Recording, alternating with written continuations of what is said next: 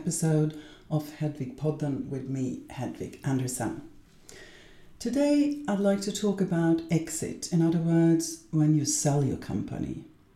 And one way to look at this is as the end or the goal of an entrepreneurial journey. But you can also look at an exit as the lighthouse, as I used to call it, um, that will help you to navigate throughout the entire journey of your company uh, from day one. And that's why I used to say that it's a good idea to start with the end and plan for the exit already uh, from the beginning uh, when you start your company. So, naturally, uh, when you do start a new company, you're very focused on the product you sell or on the services that you provide. And you know quite a lot about the competitive products or services as well as trends on the market. Uh, but I would suggest that you, for a moment, change pers- perspective and look at your proper company as a product. Because, as any other product that is to be sold on a market, your company is also a product that compete with other small companies to be bought by a larger player at a later stage. And independent of whether the buyer of your company is a large company or um, if you go public uh, and list your company on the stock exchange, um, you still must understand the driving forces of that particular marketplace. So, in the same way that you're all familiar with the trends on the market, you're active on uh, when it comes to your product or services, um, you should likewise know and understand the strategies and driving forces um, on a corporate level. Because by doing so, um, you get a grip on the strengths and the weaknesses of other companies uh, that may be potential acquirers of your company in the future. And above all, it gives you an understanding of these companies' mutual uh, relationships, which is key for your own strategy and the development of your proper company. So, um, understanding which acquisitions that are made within your sector, what type of companies that are bought, which companies that are the most active acquirers, and how much they are willing to pay, that gives you a very valuable information and can serve as the basis of your exit analysis. And in this context, it is also good to get an insight and see if the payments tend to be backloaded with many milestones or if upfront payments are more common because this sets your expectations right from the beginning. And at first sight, it can also sometimes be difficult to understand um, why one company was acquired at a much higher valuation than another quite similar company. But I believe that it can be really worthwhile to analyze this uh, a bit further because the information that you can get from this is not only valuable in future exit negotiations, but it also gives you a good input to many of the strategic decisions that you will have to make for your own company throughout the life cycle. Um, maybe to illustrate this, I'll, I'll, give you an example.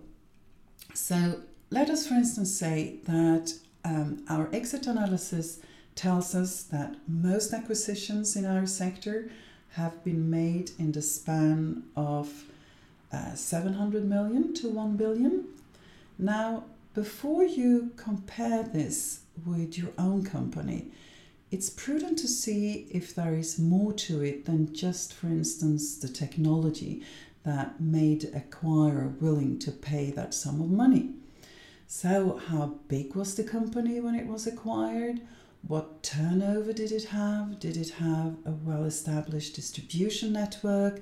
or a very prominent research network?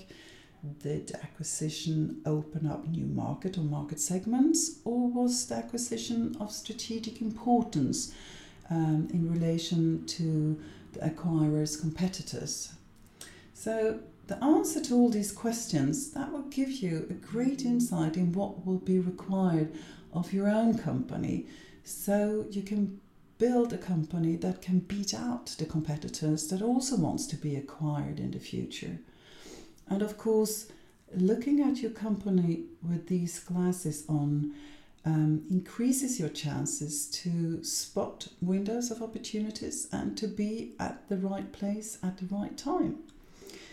So, if our hypothetical exit analysis now shows us that most acquisitions in our sector is made in the range between 700 million and 1 billion, it can also be good to know that there is no linearity, which means that if you cannot raise um, that amount of money, so let us say you can only raise a tenth of the amount needed to build such a company, and therefore decide to build a much smaller company, you cannot assume that you can exit a company at 70 million instead of 700 million.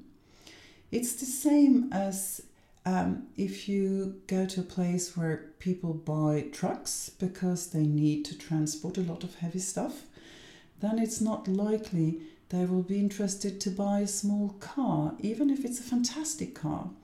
And also the opposite is, of course, true.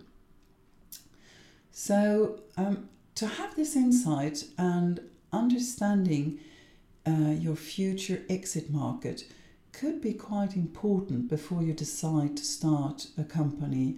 And it's also crucial to know uh, when you go and look for investors. So you make sure that you get the right type of investors on board from day one. Because as I said before in my previous podcast um, uh, or episode, um, you know, you can change everything in your company. You can change um, um, what you work with, or, or you can change the board and you can change uh, the CEO, um, whatever. But you can't really change your investors. Once they are on board, it's very, very difficult to get rid of them. So it's important to get the right ones from day one. Um, so, the next important piece to the puzzle is to collect information about your competitors, um, both the mo- more established ones, but especially the innovative newcomers. Um, and they can pop up really fast. So, when it comes to the new innovative companies, um, it's good if you don't only look at ge- geographies such as the US or, or Europe, uh, because many emerging markets come up with great new technologies, um, a bit depending on what industry you're in. But, but don't forget these markets and have a look at them as well. Now, as an investor, I met many entrepreneurs mainly focusing on the technology of the competitors uh, and whether the technology was better or worse than their own technology. And often they concluded with satisfaction that their own technology was superior to the competitors' technology. But unfortunately, a couple of years later, many of them were then forced to see that the competitors, despite an inferior technology, had much better sales figures. So please don't underestimate the importance of a well thought through go to market strategy and make sure you have enough resources to realize it.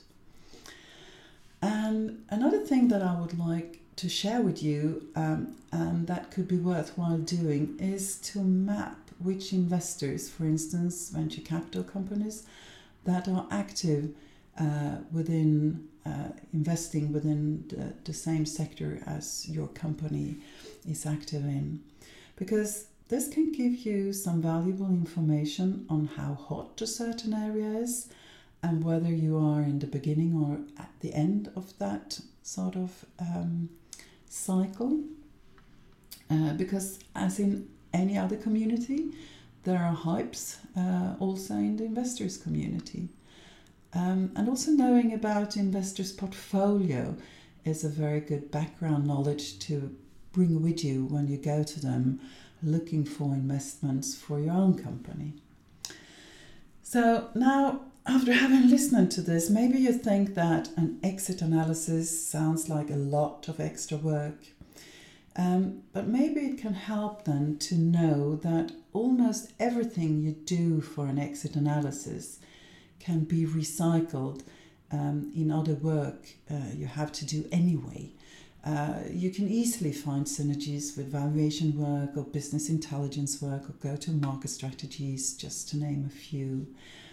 And by having um, an exit as a target or a lighthouse, um, it gives an overview and a whole image on how everything is interconnected.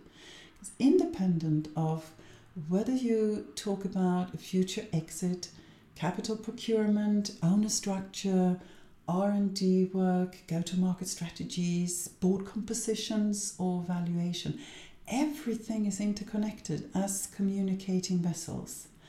And a decision in one area can have a huge impact in a completely different area in the future. And then, of course, it is vital to understand the interrelationship. So, this is something I used to call integrated capital procurement, um, integrerad kapitalanskaffning in Swedish. And you will find more about this on my homepage www.torsen.se. And in the next episode of Hedvig Podden, I'll interview Rupert Dixon, drug development leader at strategic development at IQVIA. And we will talk about study design and importance of killing your darlings early. So, bye bye for now and welcome back.